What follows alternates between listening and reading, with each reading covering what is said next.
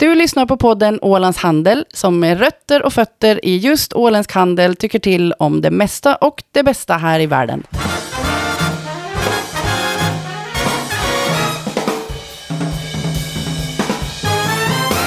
Då säger vi hej och välkomna till Ålands Handels podd. Där vi idag inte bara ska prata om att vi har ett nytt år på kommande utan vi ska dessutom berätta hur det kommer att gå. Och med mig idag är det alltså jag som heter Jörgen Pettersson som sitter i kontrolltornet. Och med så är sidekicken Fredrik Rosenqvist som ser fram emot ett nytt år mer än nästan alla andra, eller hur? Ja, absolut, och hej. Vad förväntar du dig av det här året? Eh, bra saker ska jag säga. Och hur det ska förverkligas, det har vi tagit hjälp av en tungviktare på många sätt inom det svenska näringslivet. Vi har med oss Hannes Häggblom som jobbar med det som vi pratar om väldigt mycket i den här podden, alltså aktier och marknader. Du jobbar som eh, på det internationella mäkleriet på Carnegie som är Nordens ledande investmentbank och det ska vi snart prata mer om. Hannes Häggblom, du är inte bara djurgårdare, du är också jättevälkommen till den här podden. Tusen tack, jättekul att vara här. Du, du är ålänning av ohejdad vana, vems pojke är du då? Ja, den ständiga frågan som man ställer till ålänningar. Nej men så här, jag är ju född och uppvuxen på Åland då, eh, Lumparland, mina första levnadsår, sen blev det Mariehamn, eh, där jag inledde min skolgång och så vidare. Eh, eh, pappa Sten-Åke Häggblom, eh, mamma Päivi, min brorsa Anton. Så, så såg min eh, första bana här på Åland ut. Eh, idag bor jag och verkar i Stockholm, eh, bor tillsammans med min fru Katrin och mina barn eh, Junia och Ludvig som är tio respektive sju år gamla.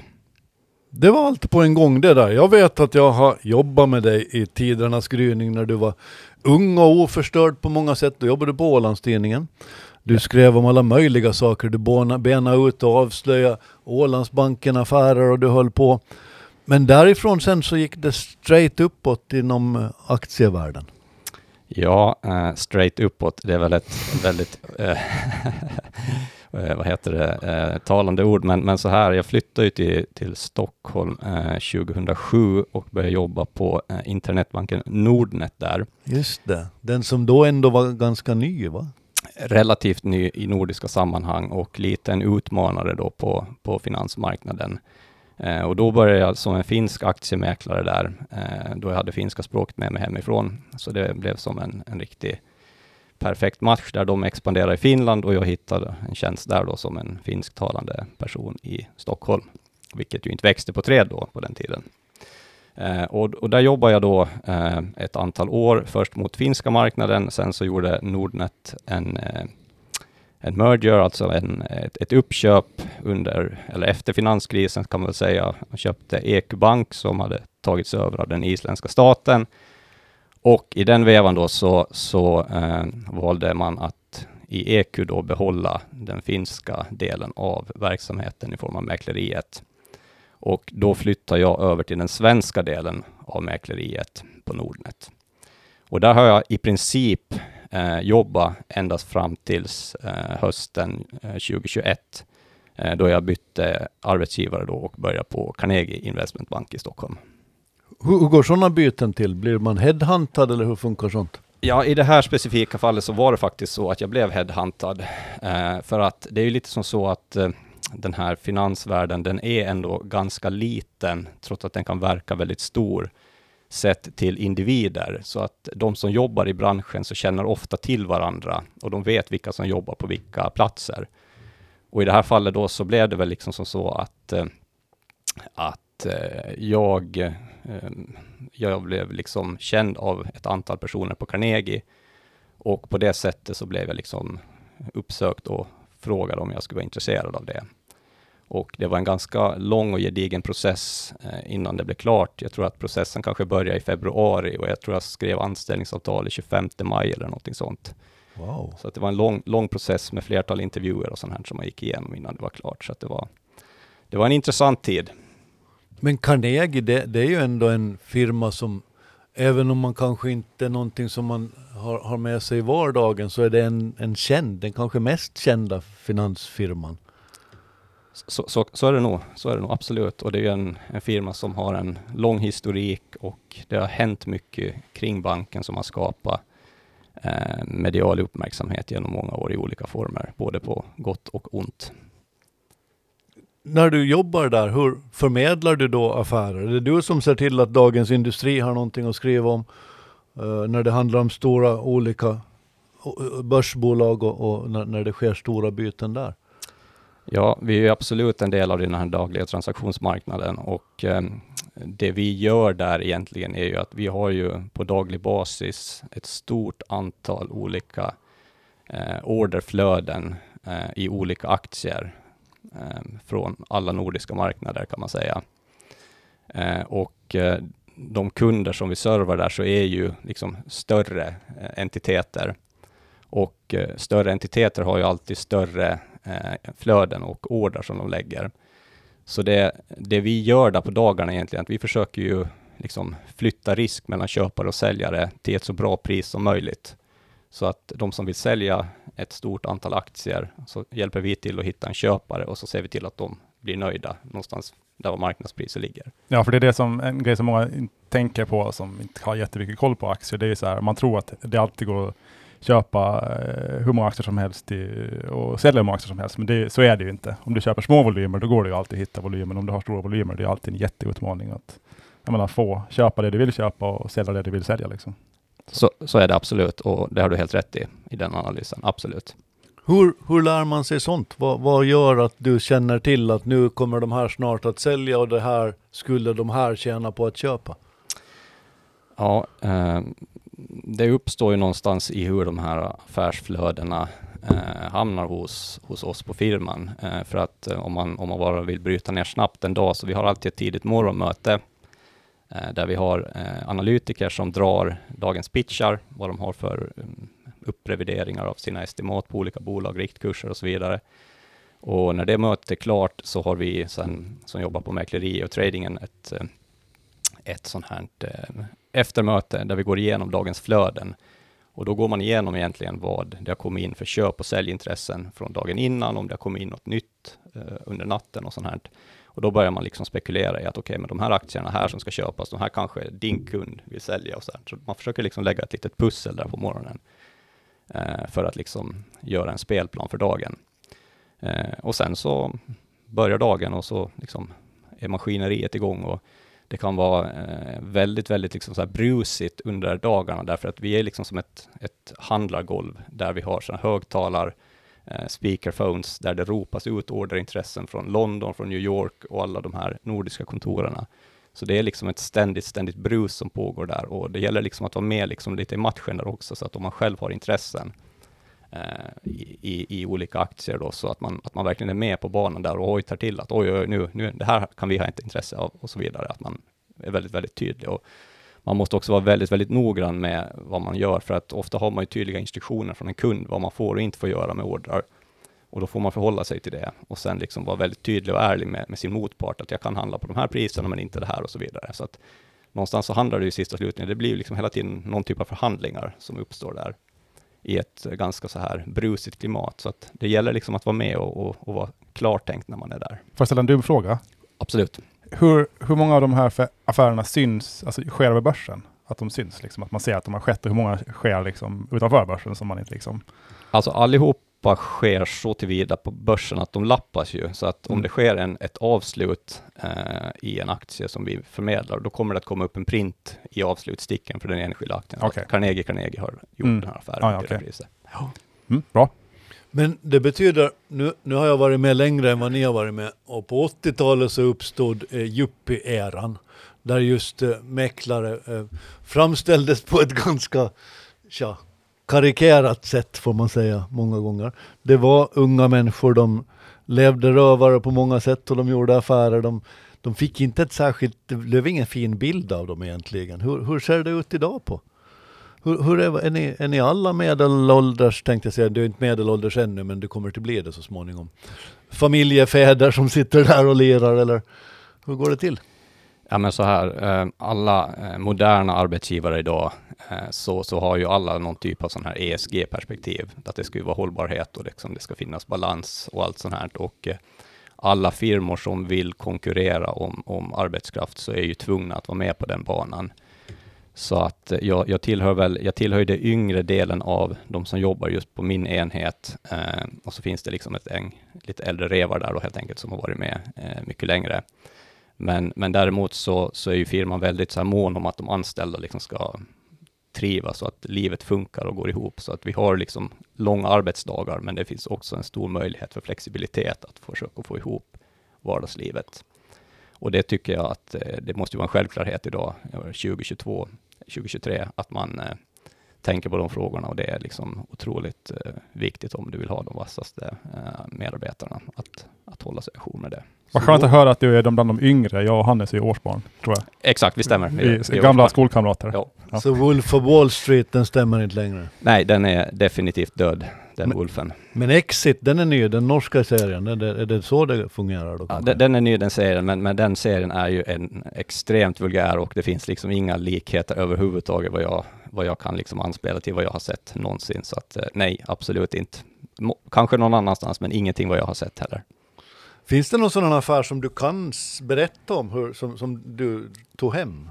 Är det lagarbete ständigt eller hur funkar det? Alltså det är ju eh, det är ju ett ständigt lagarbete, det som pågår på, på jobbet hela tiden. Eh, så att eh, det är det. Och någon enskild affär, nej tyvärr, det kan jag inte säga. Vi har ju banksekretess mm. och, och, och, med allting vi gör, så att det, det, kan jag inte säga. Men, men, men det är ju bara liksom att, att konstatera att det görs stora affärer hela tiden och Carnegie är ju en ledande aktör på marknaden, så att vi gör stora affärer hela tiden. Och, och, och så, så, är det med det, att det, det händer saker. Så när vi ser att stora stockar har bytt ägare i Ericsson eller Volvo eller vad det nu kan vara för någonting, då har ni haft ert finger med i spelet antagligen?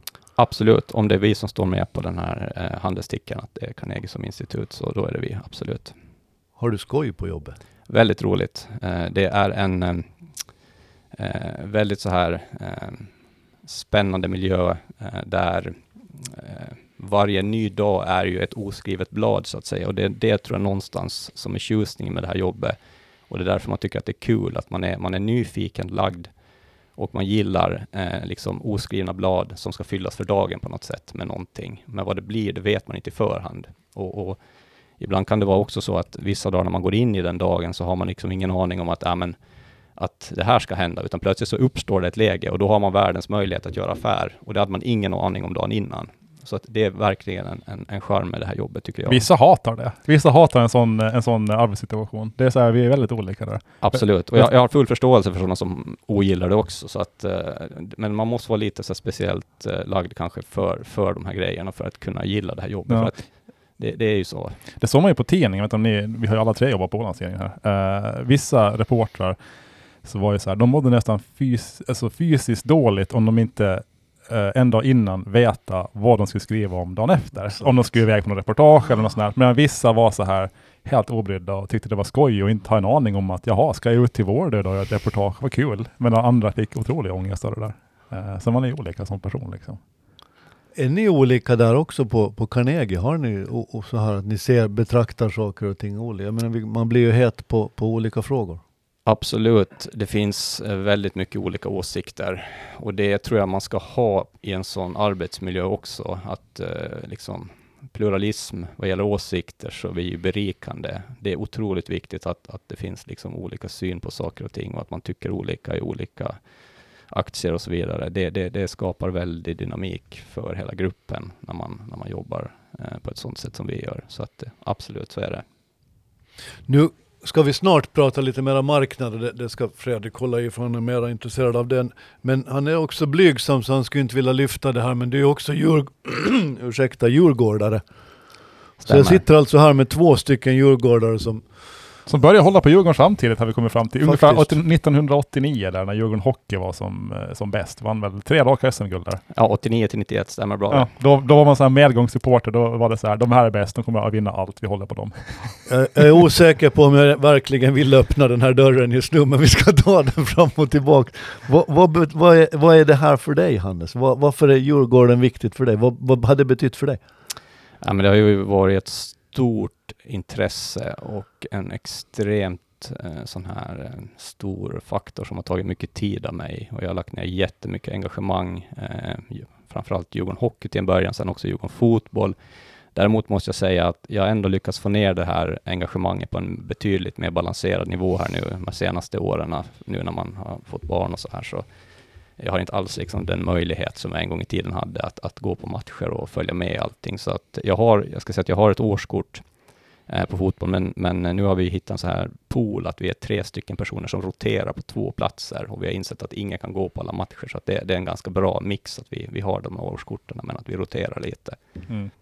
Djurgården är så framgångsrika så man ska gå på alla matcher på ett år, både i hockey och fotboll. Det blir ju liksom hundra matcher. Så det... Ja, i år hade det varit extremt, så att det, det, det, hade varit fullständigt omöjligt att göra det. Ja. Jag känner att det här borde aldrig ha blivit nämnt, men i alla fall, varför blev det just Djurgården för dig?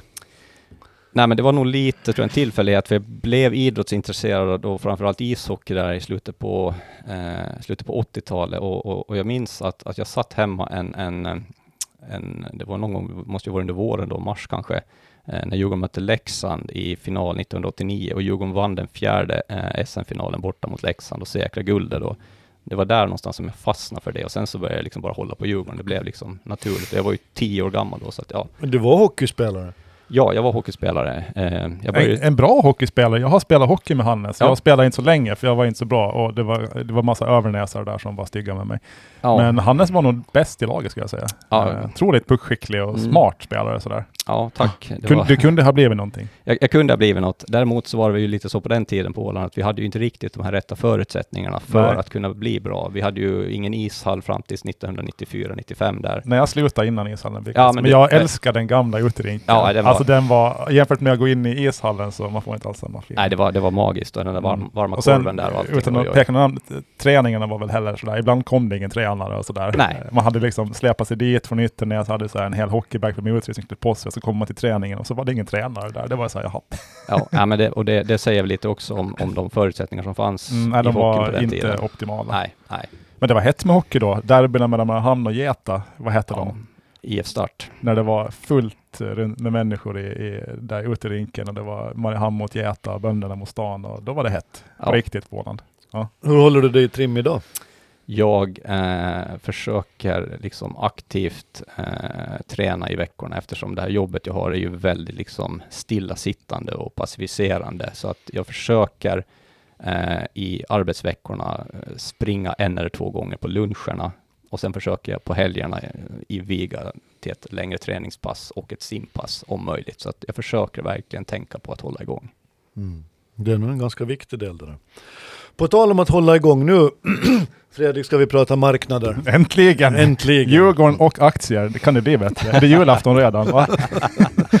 julafton har varit och det är ganska länge ja, kvar till det. nästa julafton, ja, så nu är vi inne på det första Vi är inne i 2023. Året. Ja, Men innan vi ska diskutera 2023 och vad som händer då, så ska vi gå tillbaks några år här, för vi, vi har tre år bakom oss som väl till och med jag som inte är hemskt intresserad av aktier eh, eh, har sett att allt har rusat.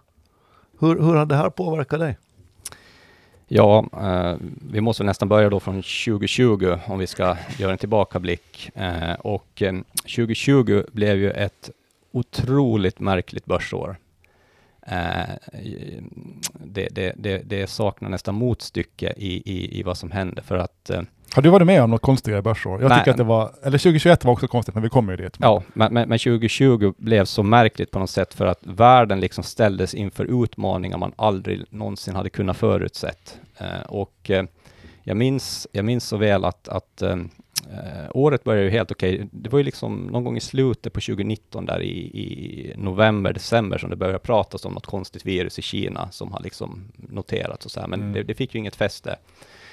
Så jag minns att eh, vi var uppe i, i norra Sverige på sportlov eh, i slutet på februari när det här liksom börjar kännas att det här är nog inte riktigt bra. Eh, och då var det ju när de här första fallen började konstateras i, eh, först var det väl i Europa, i Italien och sen så framförallt när det började liksom komma rykten och, och, och konstaterade fall i USA. Mm. Det var ju då som, eh, som det blev liksom mer eller mindre total panik på börserna under mm. mars där. Och det dröjde ganska länge, men sen när det blev panik, då blev det panik liksom jättefort. Så. Då blev det panik på riktigt och, och, och då var det också, det var liksom en sån här skräck i marknaden av en magnitud som är nästan svår att riktigt ta på för att ingen visste riktigt någonting. Så ingen fattade, vad är det här för någonting? Och, och, och jag minns att, att det, var, det var chockerande att, att liksom komma på jobb och, och se hur börserna dag på dag bara föll. Det kom inga uppstudsar, det kom inga rekyler och säljarna bara tog vid, tog vid, tog vid. Mm.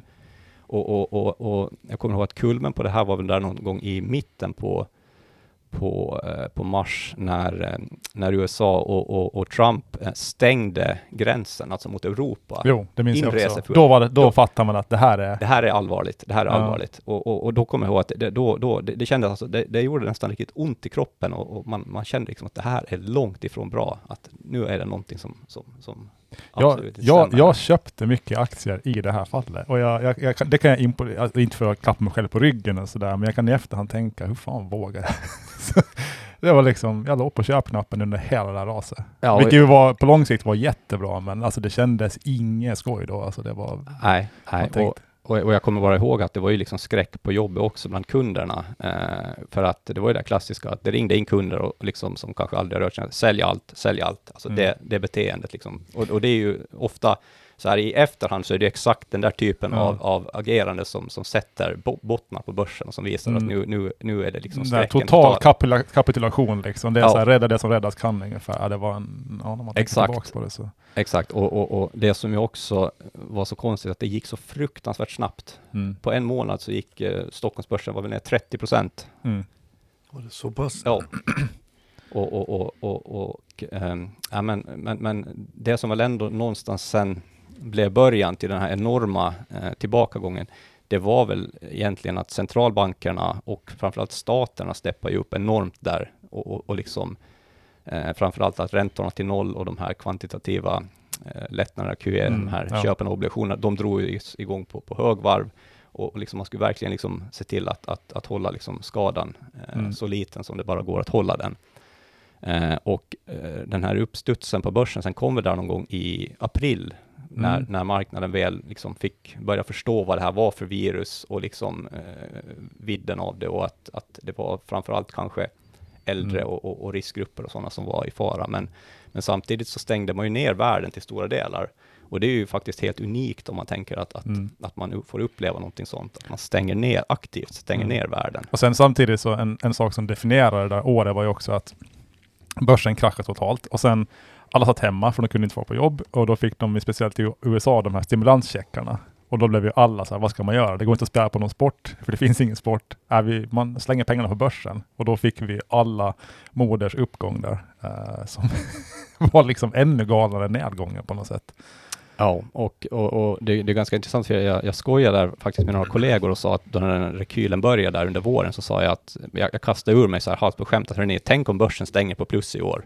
Och Mm. alla bara skrattade, ja jo, tänk. Ja, liksom det så var ju helt otänkbart då liksom. Och man, man pratar om det, kanske det blir en liksom forma, V-formad återhämtning. Det måste Ja. vara det ordet som användes flest gånger det, det halvåret. Och man, man tänkte sig så här, det här kommer aldrig gå. Men det slutar på plus sen. Det slutar på plus. Det beror sen lite vilka index du tittar på, men jag, jag skulle säga att jag tror OMXS30 stängde någonstans mellan 5-10% upp Mm. efter att du har varit ner 30% som värst. Så att det är snack om V-återhämtning där. Ja, alltså. nej, det var...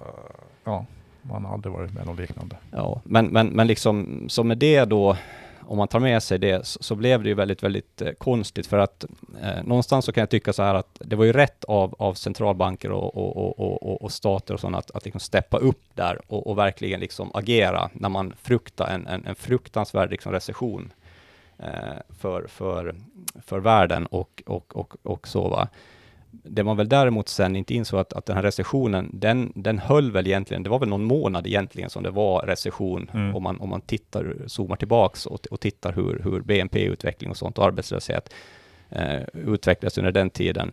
Men sen var det såklart tragiskt för väldigt många branscher. Jag tänker på våra rederier och, och, och, och hela liksom, turistnäringen och, allt eh, runt omkring det, vad som drabbades brutalt hårt. Mm. Eh, restauranger och allt sånt som... som Ålands liksom- BNP föll väl, jag tror siffran kom bara häromdagen. Det var väl kanske, var det 12 procent ner eller något Ja. sånt. Eh, så det, för Åland var det ju verkligen en, en Ja. stor nedgång. Så.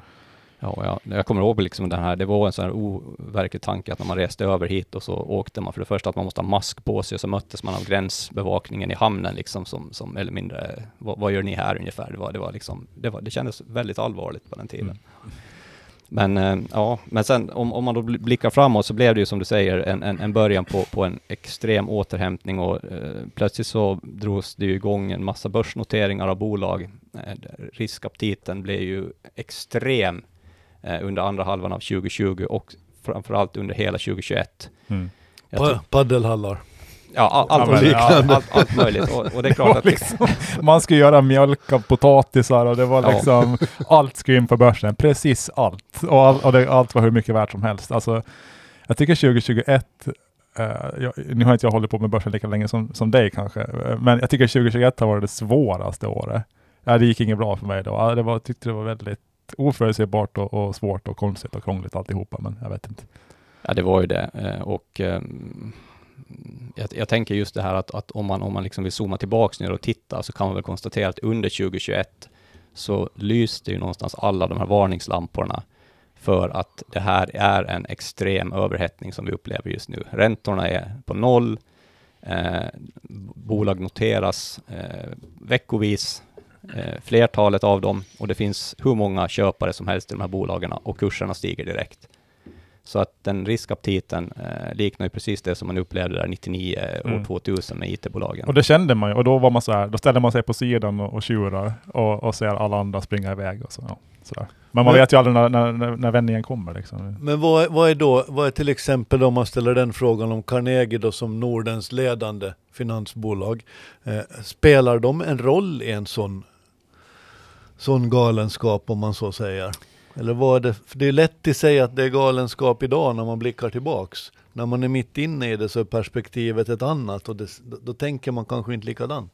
Nej, men, nej, men så är det ju och, och, och, och Carnegie var ju absolut en aktör i, i, i den transaktionsmarknaden. Jag tror att man gjorde eh, totalt 50 börsnoteringar 2021 och det är ju unheard of. Ingen, det är ju liksom saknar ju motstycke. Sen kan man ju, man kan ju, alltså som, det är lätt att säga så här, de som eh, gjorde de här börsintroduktionerna, att man de skedde ju under en väldigt bra tidpunkt för börsintroduktioner och man kan säga, var det rätt, liksom, var det etiskt och, och, och var det allt det här, liksom, att man, man, man lever upp folk. Men å andra sidan, det är ju investmentbankernas jobb. Du ska föra in det här bolaget på börsen, du ska göra det så bra som möjligt för det här bolaget. Man, man kan ju inte ta liksom, ansvar för att det finns någon sån här hås i samhället. Så där, så att den, Nej, det är, och sen måste man också tänka att det var ju ingen som tvingade köparna att, att Nej, nej. steppa upp och, och liksom delta i de här transaktionerna, utan det var ju... Och man får ju inte ljuga heller. i Nej, de nej. här, det är liksom, men klart man utnyttjar situationen och gör mycket börsintroduktioner och tjänar man pengar på, men det är ju liksom helt rimligt. Sådär. Så är det ju. Men, men någonstans är det ju också klimatet som sätter liksom Mm. eh, standarden för hur det är. Finns det riskaptit, då går det Ja. att notera. Och, Ja. och, och det är ju liksom... Nu så sker det ju inga noteringar överhuvudtaget, förutom Porsche då i höstas, men annars hade det varit helt... Ja, nej, det, har varit, det, det, var, det har ju varit några strönoteringar under året, men, Mm. men överlag så har det ju inte varit någonting nej, Nej. jämfört med förra året såklart. Mm. Så, att, så är det. Eh, men eh, så, så då, då om vi hoppar lite tillbaka till frågan så att det är bara att konstatera att, att eh, det var galna år 2020 och eh, 2021 där då. Eh, och så går vi in i det här året 2022 ja. Ja, och eh, då blir ju det här året på något sätt unikt åt ett annat håll för att jag har aldrig varit med om att vi har haft ett eh, år där allting som egentligen kan gå fel, går fel simultant. Om man tänker på de här... Och där brukar faktiskt Fredrik säga också, det finns ingenting som har gått rätt. Nej, Men fortsätt. så nu kan det inte bli värre liksom. Nej, för att eh, det, det som väl var där också var väl att eh, om man kunde backa bandet där som vi pratade om tidigare, så då borde ju kanske centralbankerna ha insett att, att den här coronaeffekten av, av det som hände var kanske inte så brutal att man behövde liksom stimulera så mycket som man gjorde. Så det hade väl kanske varit naturligt där då under 2021 att börja gradvis eh, höja räntor och dra tillbaks de här stimulanserna eh, så som det blev. Nu gjorde man inte så, utan man, man, ville vara, man ville vara säker på den här återhämtningen och sen så pratade man med att de här inflationsimpulserna som kom där under hösten 2021, att det var, det var transitory, Mm. pratade man ju om, att det var, liksom, det var övergående. övergående, ja, ja. exakt. Och, och, och, och det är klart att med facit i hand så hade de själva eh, liksom studera det de själva berättade om, så hade de kanske fattat ett annat beslut om de kunde göra det om. Mm. Det tror jag. Så då blev det väl sen ganska uppenbart i början av året att, att, eh, att man kommer att börja höja räntan för att inflationen viker inte. Och eh, när marknaden fattade det, då blev det en enorm sån här sektorrotation. Så allt, eh, alla typer av bolag som inte liksom hade några vinster här, som hade skulder, eh, och, och, och liksom byggde på förhoppningar, fastighetsbolag, eh, alla sådana e-handelsbolag som, som växte fram under 2020-2021. Allt det har ju liksom åkt rakt ner i källaren. Mm. Alla så serieförvärvare Mm. som förvärvar bolag. Eh, Alla potatismjölksbolag. all, allt, all, all, all, all den typen av bolag. Så, så, från att det har varit en sanning 2021 med en viss typ av investeringar så tvärbyttes det nu då Mm. 2022 Ja. till att nu ville man liksom ha eh, kassaflöden, låg skuldsättning, liksom visibilitet, pricing power, allt sånt här ville man ha för att liksom kunna Mm. eh, skydda liksom sin investering. Så att, Och sen när det var, när det var liksom, det här var i början, där januari, februari i år, när det var en ganska kaosigt och, och sådär. Sen gick Ryssland in i Ukraina, som Ja. grädden på moset på det liksom. Så. Nej, så att, att, att, eh, att, att det tillkom också där, så det, det skapar, jag, jag kommer ihåg den där dagen när vi kom in på jobbet, att det, då var det den här känslan av, av öde, när vi hade det där morgonmötet, att vi konstaterade att, att eh, de, har, de gjorde det ändå. Vi, många hoppades ju kanske där sist, alltså in i det Ja, för han gjorde ju någon sån här, de gjorde någon sorts liten, liten halv invasion eh, några, några, några innan. De tänkte man yes, det kommer bara sluta med att de gör det här och sen så är Ja, det det var klart. Liksom. exakt. Han, han skulle väl utropa några, det var väl de här Mm, utbry... Alltså, ja, några sådana där Ja, exakt. utbytare, Ja. ja. sådär. Men, Men ja. ja, så... Men överlag så tycker jag 2022 har varit mer eh, alltså så här förutsägbart. Det har gått som det borde ha gått. Sådär. Det känns ändå så här lite hemtamt. Det har varit ganska bedrövligt men ändå så här, man fattar det. Och det är sådär, ja men rä- räntorna kommer gå upp och då kommer de här aktierna gå ner och så har det blivit. Och sådär. Det känns ändå lite tryggt, fast eländigt. Men- Men om man backar det här nu då mot bakgrund av det här som ni har dragit över tre år som har varit otroligt svåra att förutspå, helt omöjligt. Det är alla år i och för sig, men, men vi har, jag tyckte du uttryckte det fint där Hannes med det här att vi har fått uppleva en pandemi. Det är rätt coolt faktiskt på alla sätt sist och slutligen. Vi har varit med om det. Ja. Jag hade nog kunnat vara utan den.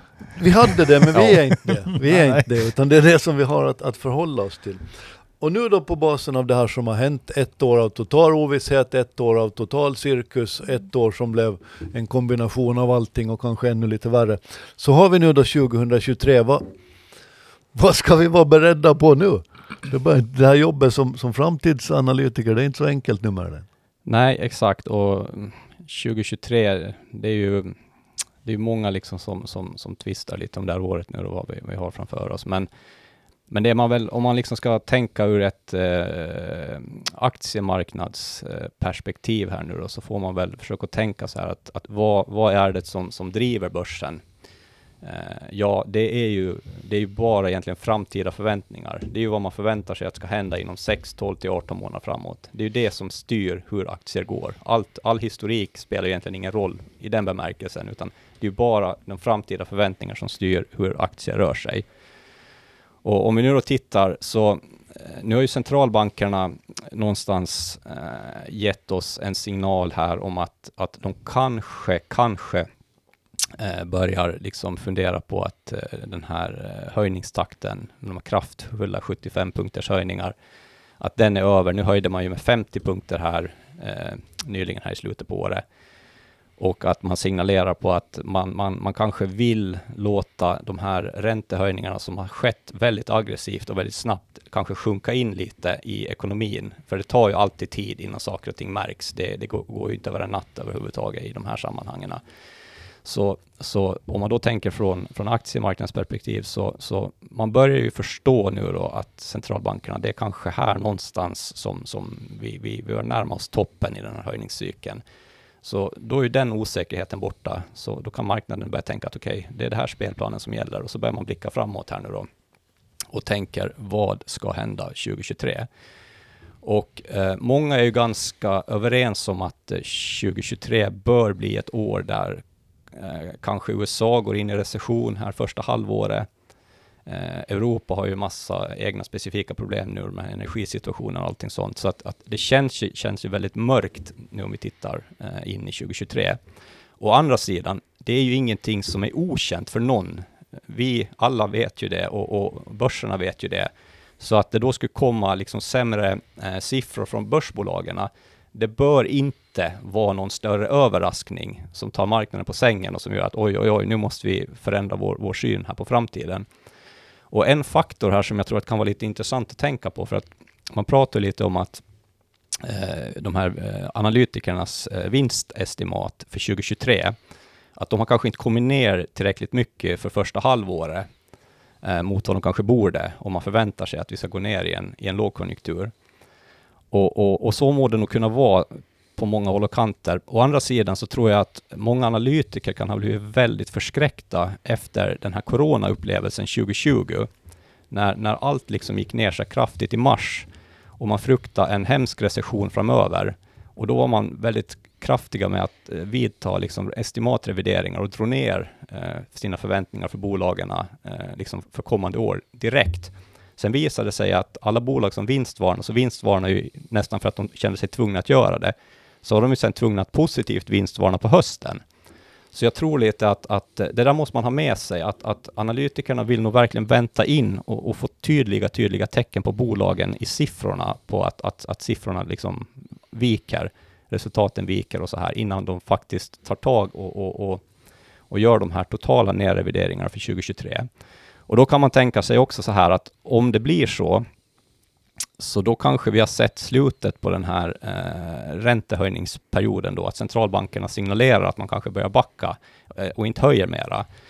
Och då skulle man ju, om man vill se det här lite optimistiskt då, då skulle man kunna tänka sig att marknaden kanske mer fokuserar på att centralbankerna blir mjukare i sin, eh, i sin räntehöjnings eller sänkningspolitik framöver och att det då skulle kunna offsätta eventuella vinster som sjunker, för det är ju ganska välkänt. Och just det här att marknaden har ett framåtblickande perspektiv på allting, så gör ju att då kanske man börjar blicka framåt slutet på 2023 och in i 2024 och då tycker man att ja, men det här kanske börjar se mycket ljusare ut då. Så att det är väldigt, väldigt svårt att spekulera. Ja, ni hör ju själva här hur vi resonerar. det där låter i mitt huvud när jag går och lägger mig på kvällen. Alltså. Ja. så jag måste förklara en sak. Det är fascinerande och väl, väl förklarat tycker jag. Jag måste förklara en, ett ord för min mamma här och alla andra som lyssnar. Uh, vinstestimat. Det är så att man har analytiker. Deras jobb är att de, de bevakar ett antal bolag. Säg Vikingmine. Och, och, deras jobb är att, att liksom förespå vad kommer Vikingarna att göra för vinst 2023? Och det är ett vinstestimat. De tror att de kommer att göra 30 cent vinst per aktie. Och sen eh, tittar de liksom och, och omarbetar de här tiden och sen om det börjar gå sämre i världen, då reviderar de ner de här vinstestimaten och då ska ju då aktiekursen falla för att man förväntar sig att vinsten blir lägre. Då, så att säga. Samma grej som de där som tittar på abborrfenor och, och tänker på vädret som kommer Ja, och, grej, och grejen nu då det är att man, man har inte sett att de som tittar på de här enskilda bolagen, de förespår inte att vinsterna kommer att falla speciellt mycket nästa år än. Uh, och det är ju så här, håller börsen uppe och sådär. Men sen finns det någon, några som resonerar att det här kommer att komma. Det kommer att bli sämre konjunktur och då kommer de här analytikerna att tvingas skruva ner förväntningarna på, på vinsterna. Då kanske börsen faller. Sådär, typ. Mm. Ja, väl, väl sammanfattat. Sen är det så att det var väl ungefär ett år sedan ganska exakt som man började höja räntorna uh, i USA. Och man brukar säga att um, man höjer räntorna för att kyla ner ekonomin och få ner inflationen. Men effekten är ganska, med ganska stor fördröjning. Det brukar dröja ungefär 12 månader innan de här räntehöjningarna verkligen tar skruv. Så det är ungefär nu som de här ska börja ta skruv i den reala ekonomin. Och det är därför den här räntepolitiken är för svår. För du, du ger en medicin eh, som först börjar verka 12 månader senare. Och då är det så här, hur mycket medicin ska man ge? Du vet först om det går tillräckligt mycket, använder ett år senare. Så, där. så därför är det rimligt nu att konjunkturen blir svag i vår. Så. Det är ju också nu som man ser i butikshyllorna att varorna blir eh, dyrare. Även om det inte har med räntorna att göra, men det har med inflationen att göra. Och den har vi pratat om i ja, senast, senare halvan av 2022, ständigt i varje mm. fall. Och sen förhoppningsvis eh, blir varorna billigare i vår då? Just nu är de dyra, så, där så att det känns när man går och handlar, att man märker det. Det, det, det tycker jag är en ganska tydlig sån här sak faktiskt. Eh, vi kommer tillbaka till lite det här med hur man ska tänka när man är strateg och allt sånt Men en fråga som jag tycker att är viktig, är enkel. Om man vill bli duktig på aktier, hur ska man göra då? Ja, det är ju en, en väldigt relevant fråga såklart.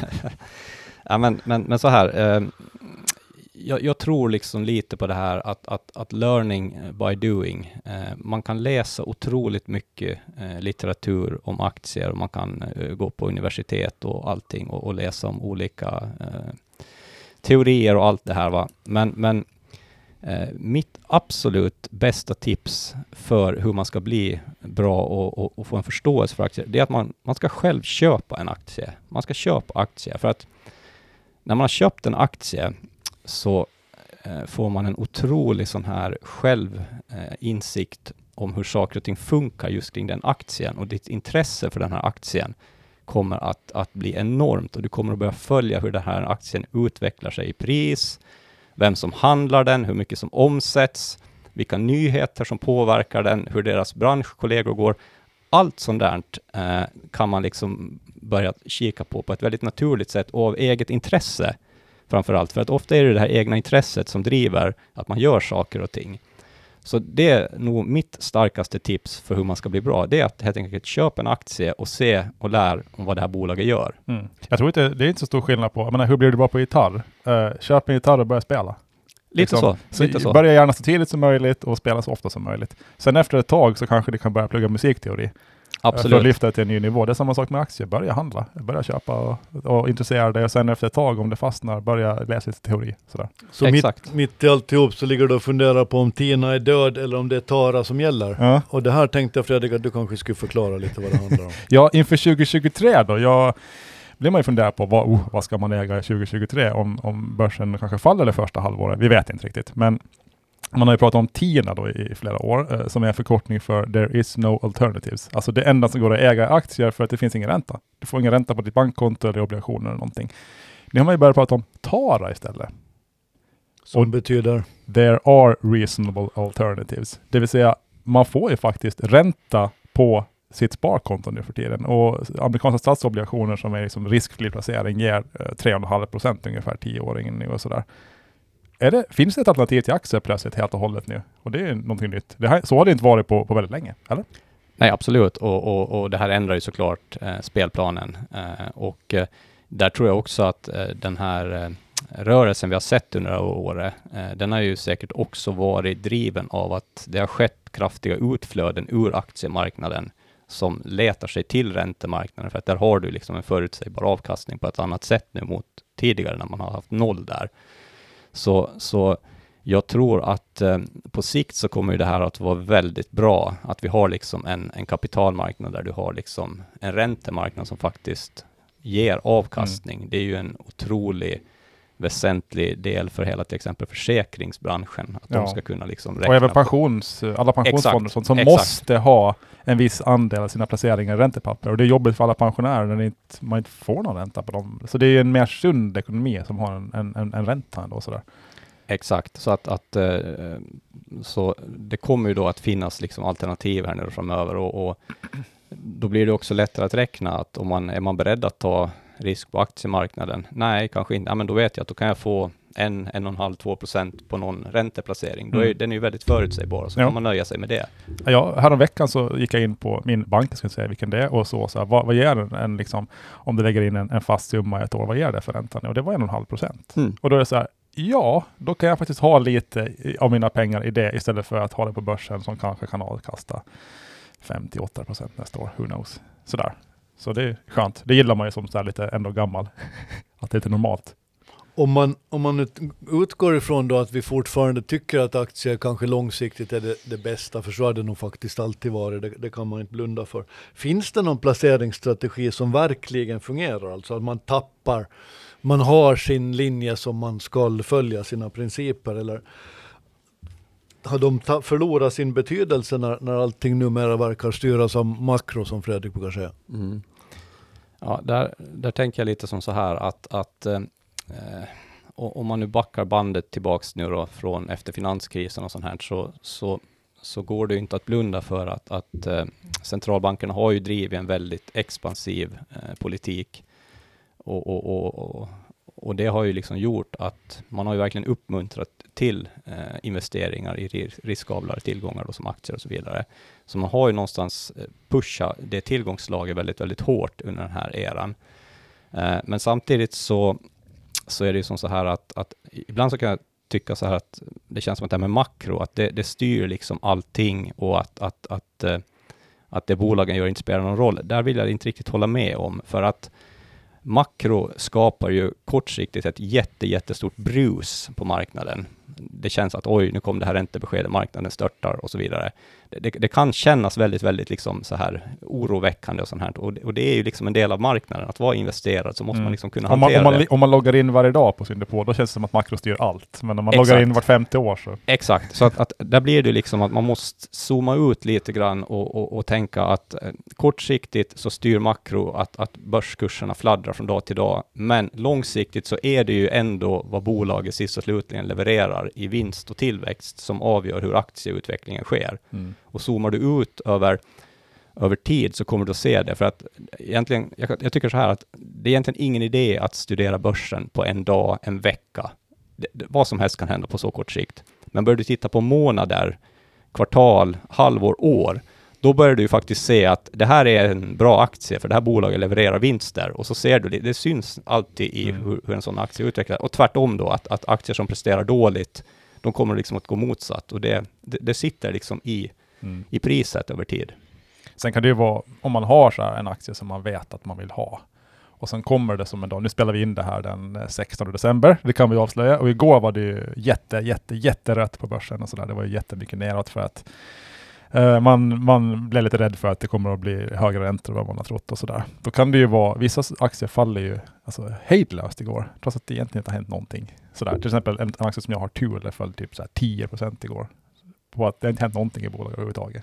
Och då kan man ju vara lite så här, ja, passar man på liksom. Ja, och, men då får du väl tänka så här att, att om du tror på bolaget långsiktigt, då ska Mm. du ju agera och köpa. Jo, man vill ju hitta en bra ingångsläge liksom sådär. Man vill ju, ja, det, Å andra sidan, sådana dagar, det är ju lättare sagt än gjort, för då kanske man börjar liksom tänka vidare i de här banorna, att oj, oj, oj, är det någonting jag missar nu? Ja, ja. Händer det någonting som, som, som, som inte jag liksom har en aning om, att kan de andra mycket, mycket mer än vad jag kan och så här, då, då, och, ja, då hamnar man ju i det här eh, osäkra momentet som, som man ställs inför som investerare hela tiden. mm, nej, det är inte lätt, det ska gudarna veta. Ja. Jag gissar att en av de vanligaste frågorna som du får av dina kompisar och vänner som kanske inte jobbar just på Carnegie Jaha du Hannes, vad ska man satsa på nu då? Ja, det, den frågan kan komma eh, titt som tätt ibland. Men, men då säger jag som så här att det, det bästa man kan göra eh, som vanlig privatperson som inte är särskilt intresserad, det är att spara i fonder. För sparar du i fonder, eh, då har du en bred, eh, bred exponering. Du kan liksom välja om du vill investera mot index eller mot enskilda branscher. Alltså Sådär. Du får bred exponering och, och, och, och gör det återkommande. Ha ett månadssparande eller ett kvartalssparande, att det är någonting som du gör återkommande. För här blir ju liksom tiden din bästa vän, att ju mer du investerar återkommande så sprider du ut dina inköpstillfällen och då kommer du över tid att parera både toppar och bottnar när börsen tillfälligt fluktuerar. Så det tycker jag faktiskt är ett, ett, eh, ett starkt tips till alla som är så måttfullt intresserade, Eh, men ändå vill liksom försöka spara för, för framtiden. Mm. Så där, eh, min, min, eh, jag, jag sköter inom citationstecken min, min frus placeringar. Och jag gjorde, ju- sa åt henne så här, du ska placera dem i en, i en, i en global fond. Billig global fond. Uh, och så loggar hon in typ en gång i år och ser hur det gått. Det är extremt svårt för mig som aktiv placerare att slå henne. Ja, ja men där, Varje du. år säger jag så här, fan har det gått bättre för dig i det här året också? Så säger hon, ja men det, var ju, det är du som har gjort det här sparandet åt mig. Jag bara, okej, jo. Men, men där ser du att det perspektivet är inte så dumt heller. Nej, det är jättebra. Vi har pratat väldigt mycket börs och aktier och marknad just nu. Finns det någonting som du tycker att vi har glömt bort att fråga om? Något som du gärna skulle ha velat lyft fram? Annars så behöver vi prata lite Åland också innan vi klipper av för dagen.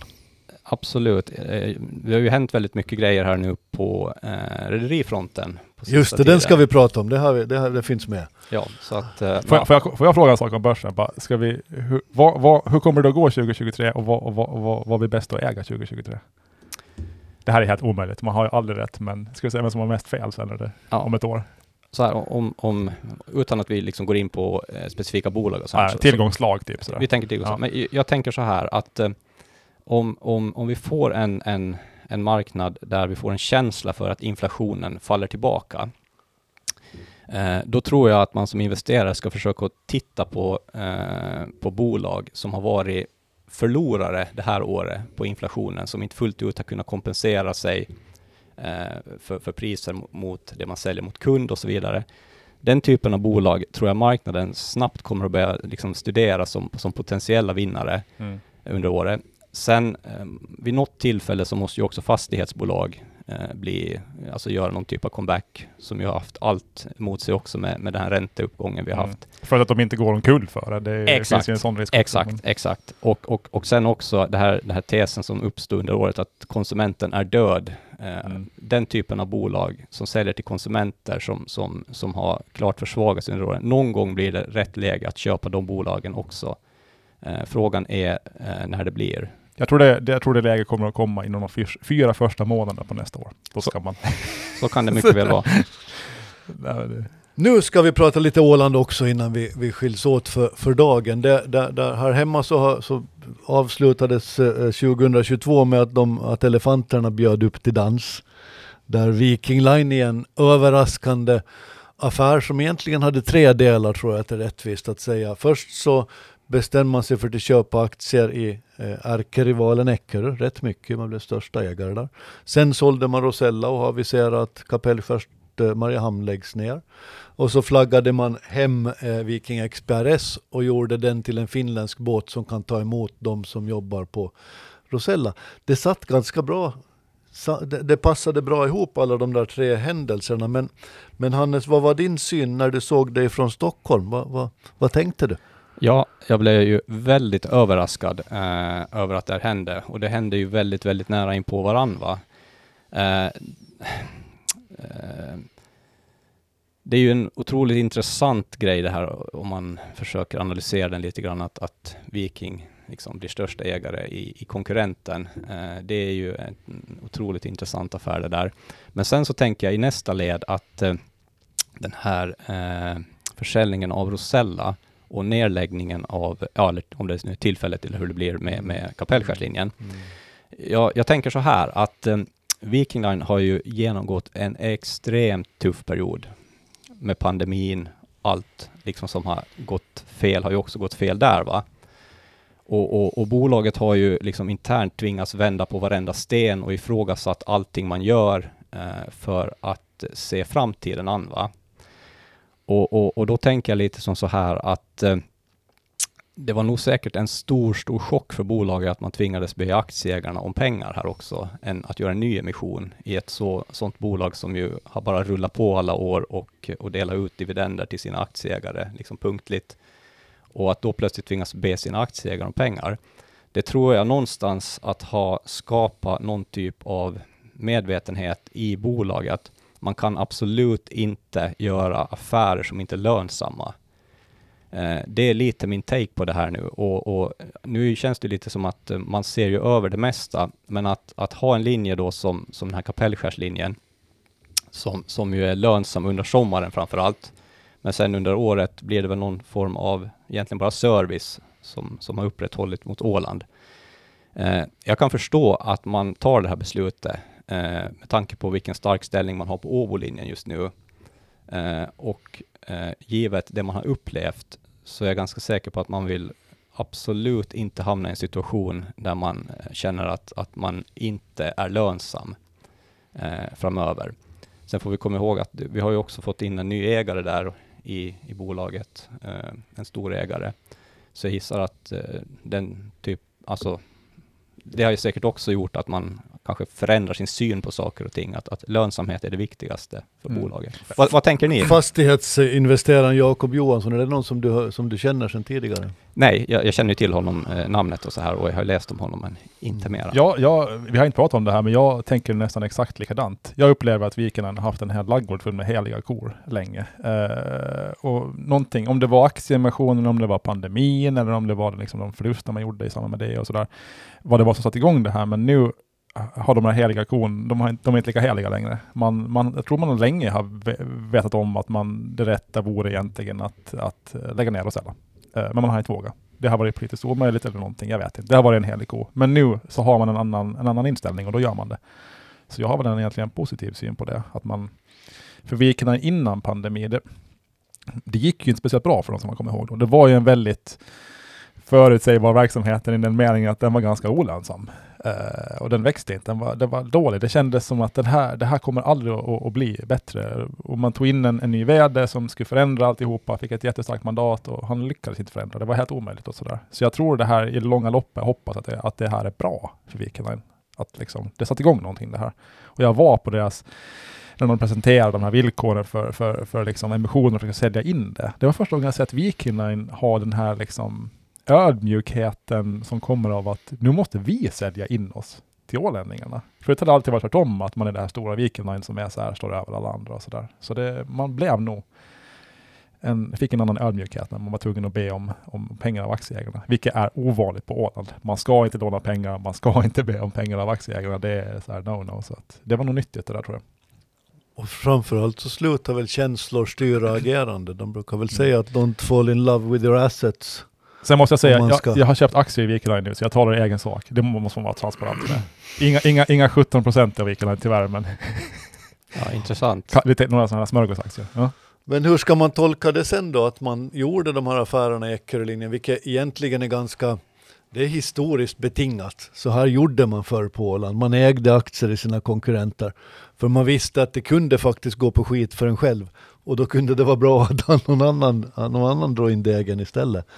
Eh, nu har man uh, sockrabudet som börjar med 30 euro per aktie. Och det, var, det betalade man alltså innan man sen meddelade att man lägger ner Kapellskär Mariehamns Jag tror man, jag tror man nog visste att man skulle göra det här när man köpte Eckerlin-aktierna. Du tror att det inte kom sådär bara som... Jaha, vänta nu. Det, där, det, det känns som att det sitter ihop Ja, lite. det blev, jag vill säga, beslutet att lägga ner sälja blev lättare när man ägde lite Eckerlin, kan vi, om vi säger så. Men när ja. man nu ser det här då, så, så, så, så vi slutet på, på, på nu, alldeles slutet på 2022, så då, då sockrar man budet med en euro. Tror du vi kommer till få se mer av detta Hannes? Kommer de att eh, fortsätta? Ja, jag läste ju eh, Ålandstidningen här, om det var nu i morse eller om det var igår, flyter dagen lite ihop här, men, men där var man ju ganska tydlig med att man är ju på köpsidan i aktien. Mm. Man står på köpsidan. Det Mm. var ju väldigt tydligt. VD Jan Hanse sa ju det i den eh, intervjun. Eh, så det tyder ju på att man är ju fortsatt intresserad, så det är ju otroligt spännande eh, att eh, Mm. De, Att du sa att så. Viking är den största enskilda ägare i Eckerlin, men de har ju inte, det är ju en ägarfamilj som Så kontrollerar. Så, Så, är det, att, de, är, de är inte störst på det sättet. så Viking Line, det här, den här andelen som de har nu är inte optimal. De borde hellre ha lite mindre eller mycket mer. Så man måste liksom välja där tror jag. Vad är skillnaden på ett offentligt köpanbud och att man visar intresse att köpa aktier då? Den, den är ganska akademisk känns det som det. Ja, den blir ju det. Och, och, och frågan är liksom att är det här början på en större konsolidering av eh, åländsk rederinäring vi ser? Ja, tror det. Jag Kanske. har alltid trott att, eller när pandemin började, då, då sa jag, eller så tänkte jag det, att vi kommer att ha ett rederi färre på Åland innan det här är slut. Utan att veta vilket det var som skulle försvinna. Men Det där får tiden framvisa. Det ska bli intressant att följa 2023. Hur ofta kommer du över till Åland varje år så här, Hannes? Ja, alltså det går ju, det går ju lite i cykler här, men eh, vi och familjen försöker ju komma på eh, högtider, eh, liksom som semestrar och eh, ibland på lov och sånt här. Eh, sen brukar jag ju själv också försöka göra någon typ av avstickare när jag hittar på någonting med mina vänner och bekanta. när du ska podda eller? Eh, till exempel. eller fiska eller vad som helst. Så att, nej men, och sen, jag, jag försöker ju liksom, jag försöker ju hålla väldigt mycket kontakt eh, med de som jag har regelbunden kontakt med, både här på Åland och i Stockholm, de som jag har kontakt med ålänningar där. Va? Så att eh, Åland liksom lever nog med mig i vardagen hela tiden på något sätt. Jag läser ju lokaltidningarna varje dag, jag försöker följa med i nyheterna och man är ju alltid så här eh, intresserad och nyfiken på vad som händer här. Så att, eh, jag är nog ganska väl eh, insatt i saker och ting, även om det blir på distans. Det där har du gemensamt med ganska många sådana här som har flyttat ut och blivit framgångsrika inom olika grenar. De släpper aldrig ena öga på vad som händer. Jag märker rätt ofta som de ringer till mig och de, sa, de har bättre koll på saker och ting än vad jag har för tillfället. Det, det, det, kanske ligger, det, det kanske så det blir. Ja, och det, det blir också att när du får lite kanske helikopterperspektivet på saker och ting också, när du inte är i samhället hela tiden, så, så, så kanske man har en möjlighet att zooma ut lite grann och, och, och tänka lite vidare och brett kring det. Den är viktig. Ja. För perspektivet som man får när man ständigt är här, det, det, det, det blir suddigt till sist. Så är det. Så är det. Och det, ja, det, det kan jag konstatera att då när jag bodde här då i väldigt många år, så man, man ser ju saker på ett annat sätt när man är här jämfört med när man inte är här. Exakt så är det.